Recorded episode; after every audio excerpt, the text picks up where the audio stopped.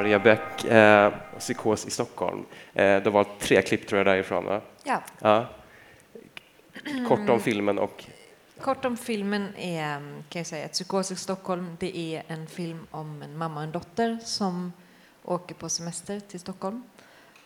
Och så går det helt snett. Mamman blir psykotisk och tvångsinlagd och dottern blir bortglömd.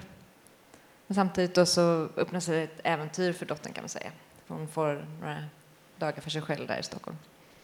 Och den bygger på en resa jag gjorde med min mamma när jag var 14. Mm. Då tycker jag vi kollar på klippen.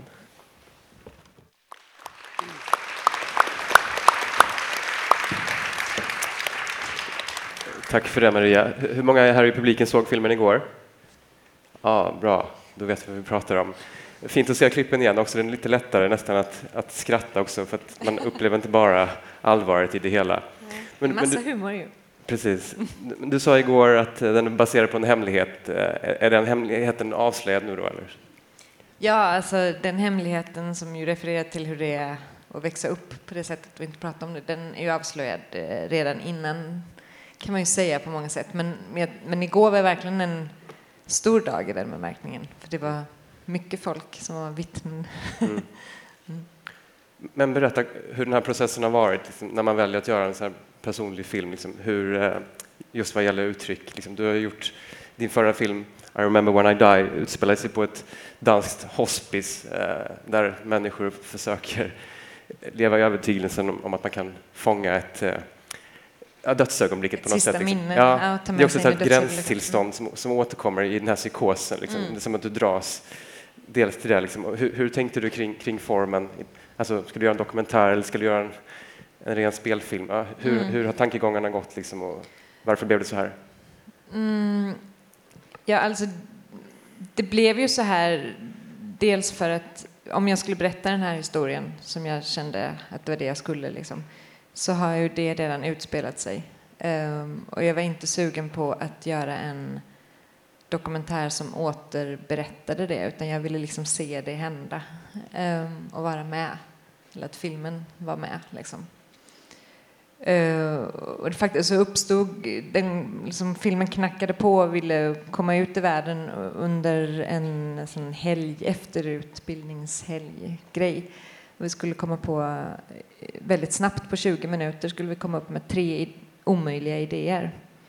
Och de var tvungna att vara helt omöjliga. Och det var min, en av mina idéer var ja, men jag, då sa jag det liksom första gången högt, och jag hade inte tänkt på det som en filmidé, så att, ja, men det är att göra en dokumentär som följer den här resan som utspelade sig när jag var 14. Eh, och så berättade jag kort om det och så var det någon som sa men du kan ju bara göra fiktion. Och så sa jag nej men jag gör inte fiktion. Så eh, eller jag jobbar inte med skådespelare tror jag det var kanske. Eh, och sen så, så om något är om, alltså om man ska kunna hålla på med, det tror jag alla liksom som gör film, man ska ju hålla ut ganska många år ofta. Så måste det nästan vara lite omöjligt. Alltså, det, alltså annars är det, jag vet inte. Om det bara är så här, vi är färdigt, det är jättesnabbt, jag vet inte. Eller, alltså, inte att det måste vara hemskt, men det måste vara någon slags kärna som är lite otillgänglig, eller i alla fall för mig, jag kan inte tala för er såklart. Men alltså, det måste vara någonting som gör att man inte riktigt vet om det kommer gå, om det bär eller brister. Eller.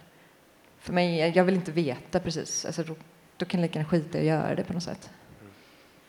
Båda Josefin som vi ser här på duken som spelar huvudrollen, de har en väldigt fin närvaro i filmen. Och, eh, I den här liksom, blandningen av dråpligheter och liksom en bottenlös smärtsamhet liksom, som det är, liksom, att vi får vistas i den här psykosen först liksom, och sen så övergår det ganska mycket till flickans resa liksom, och en, liksom, en tillfällig liksom, coming of age i Stockholm.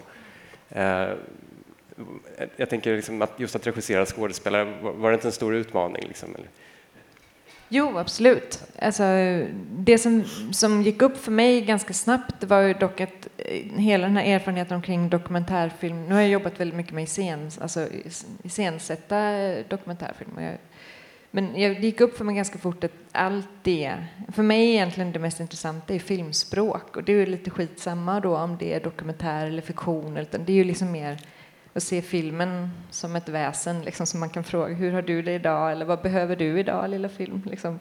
Eh, lilla film. Stora film. Um, så, så, för mig det här med att jobba med skådespelare, det var... Jag, jag var först lite rädd för det, men sen så, så tänkte jag att det är ju samma sak, det är bara människor och det vi övar oss på som regissörer är ju att ha en blick och veta vad man vill liksom, på något sätt och kunna försöka styra eller, eller känna, följa en nyfikenhet eller följa en lust. Eller, um, och där är det ju inte så stor skillnad om människor spelar sig själv som jag tycker de ofta gör i dokumentärer eller om man liksom mm. lånar sig själv till en annan karaktär. Sen så har jag använt min bakgrund i dans ganska mycket. Vi, vi har liksom, för där kände jag mig lite hemma. Så all casting körde vi i en dansstudio och alla som kom till casting dansade faktiskt en timme ensamma på golvet. Eh, så såg man hur det gick, så mm. tog man det därifrån. Mm. Så någonstans blir det liksom ett naturligt steg från den liksom mer observerande dokumentären till att göra arrangerad dokumentär till att också använda skådespelare som, som både du och Mikael gör. Då. Eh, jag tänkte fråga, liksom, eh, det är inte bara en film om ett, ett psykiskt tillstånd liksom, utan eh, som filmen fortgår, och vi behöver inte spoila för mycket här, men eftersom de flesta har sett den så, så framgår det liksom efterhand att det är också liksom en, en hyllning bortom liksom det medicinska också till utanförskapet generellt liksom, och en hyllning till mamman. Liksom, Hur, liksom, vad tänker du, att, när du tänker på filmen, liksom, handlar det, hur mycket liksom, medicinskt är det och hur mycket är det liksom, ett eh, tillstånd liksom, som provoceras fram av miljöer, liksom, olika faktorer liksom, i, i samhället? Så jag ska förstå frågan lite. Alltså, hur mycket handlar det om ja, det om det psykisk psykiska... ohälsa, hur mycket handlar det om? Miljö etc. Liksom, saker som har hänt liksom, i, i uh, huvudpersonernas liv. Liksom.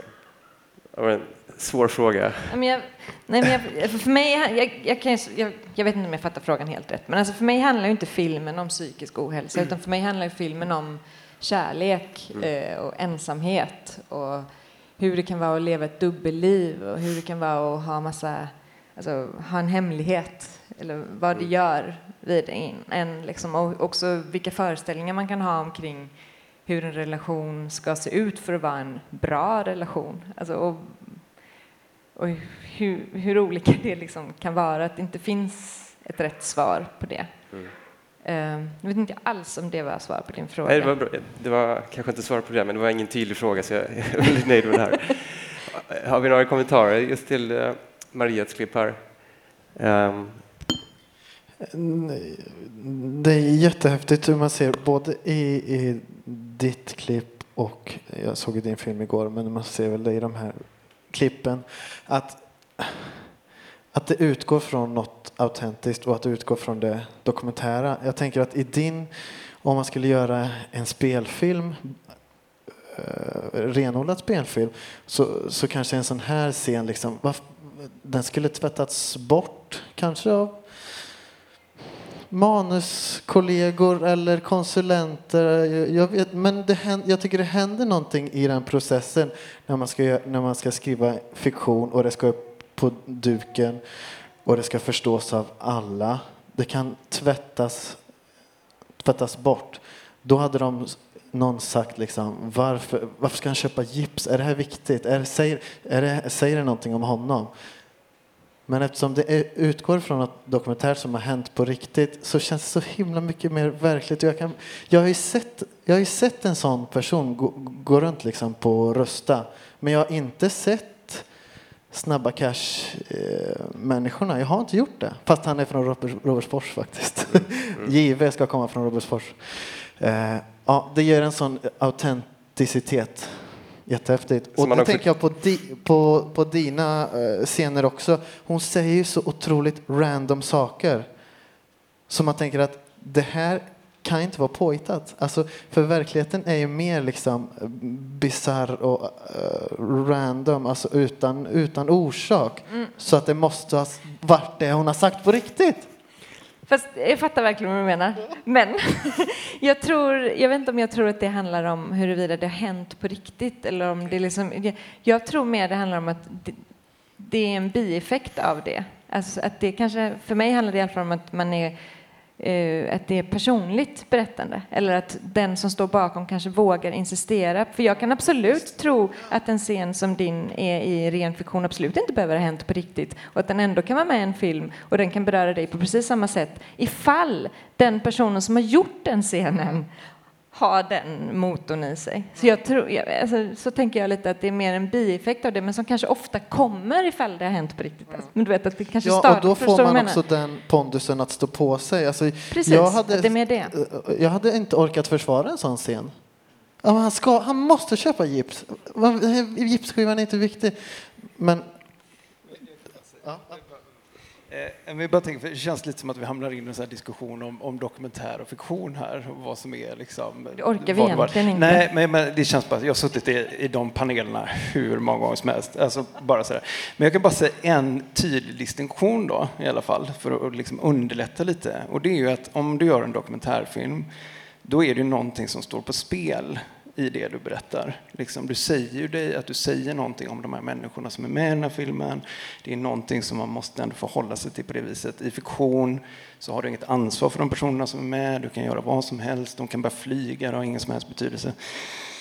Ja, i alla fall, det är det som är, och liksom, om man tittar på en sån film som Främling då i alla fall, då är det ju liksom att jag måste ju avgö, avväga de här scenerna hela tiden. Kan, är det här liksom en, inte i förhållande till vilka är de smaskigaste scenerna? Liksom. Vilken blir den? Utan någonstans försöker jag ge ett, ett ärligt och närgående porträtt av, eh, av min bästa vän liksom, som jag ska leva med sen ändå någonstans. Jag vet, jag sa ju det till dig innan vi berättade. Det finns en scen i den här filmen där ett barn är bortplockat som är, som är väldigt känslig. En, en bild som ingen någonsin kommer att få se helt enkelt. Men anledningen till att den försvann, den var egentligen väldigt stark. Liksom. Eh, men det var ju för att den gav en, en lite felaktig bild av honom, tyckte jag. På ett, på ett ganska så här, eh, ska man säga, delikat sätt. Men det sa någonting om honom som pappa som jag inte tyckte stämde, helt enkelt. Och då får inte den plats. Sådär. Jag tycker, det är det förhållningssättet som jag tycker ändå man måste kunna diskutera. På något sätt. Ja. Mm. Jag tänker att vi Alltså vidare. bra manus, alltså det här med fågelsoldater och sådär. Det, det tänker jag att man ska, du, ska, du har bra pondus och du har din, din vision så stark så att du vågar eh, så att du orkar kämpa dig och få igenom den här manusversionen där hon säger så spejsade, psykotiska saker och det är jättehärligt att se på film, att det är så oväntat. Precis. Har man en stark botten så är det väl rimligen lättare att, att skriva dialog och det märks ju här.